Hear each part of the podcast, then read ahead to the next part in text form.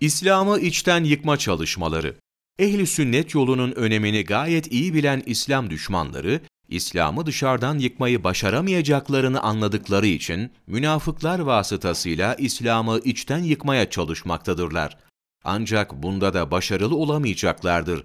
Eğer başarılı olabilecek olsalardı, birkaç yüzyıldır denedikleri bu metot neticesinde biraz ilerleme kaydedebilirlerdi.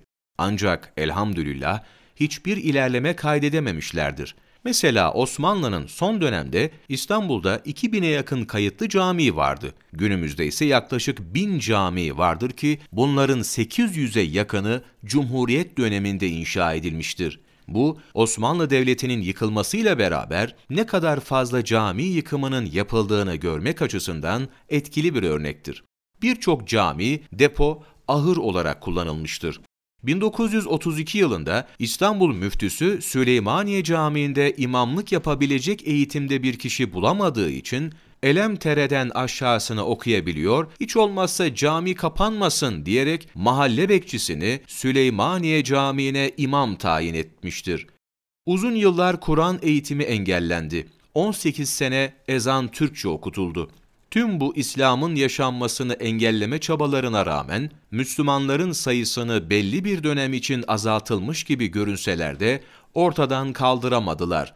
Aksine her tarafta tekrardan yüz binlerce, milyonlarca Müslüman türedi. Türkiye'de çok tanınan bir gazeteci hacca gittikten sonra yazdığı bir yazısında kendisinin daha önceden Müslümanların mahalle baskısı gibi dış nedenlerle hacca gittiğini düşündüğünü, ancak bu hac yolculuğundan sonra hiç kimsenin hacca halis bir inanç dışında bir şeyle gitmeyeceğine inandığını, gidenlerin hepsinin halis, inanışlı kimseler olduğunu, bunu kendi gözleriyle gördüğünü, hatta Papa hacca gitse onun dahi Müslüman olacağını düşündüğünü yazdı.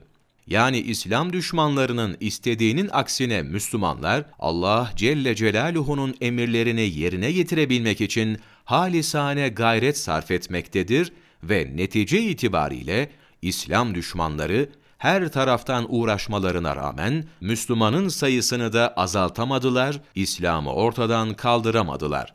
Ömer Muhammed Öztürk, Sohbetler 2, sayfa 9-10, 19 Aralık Mevlana takvimi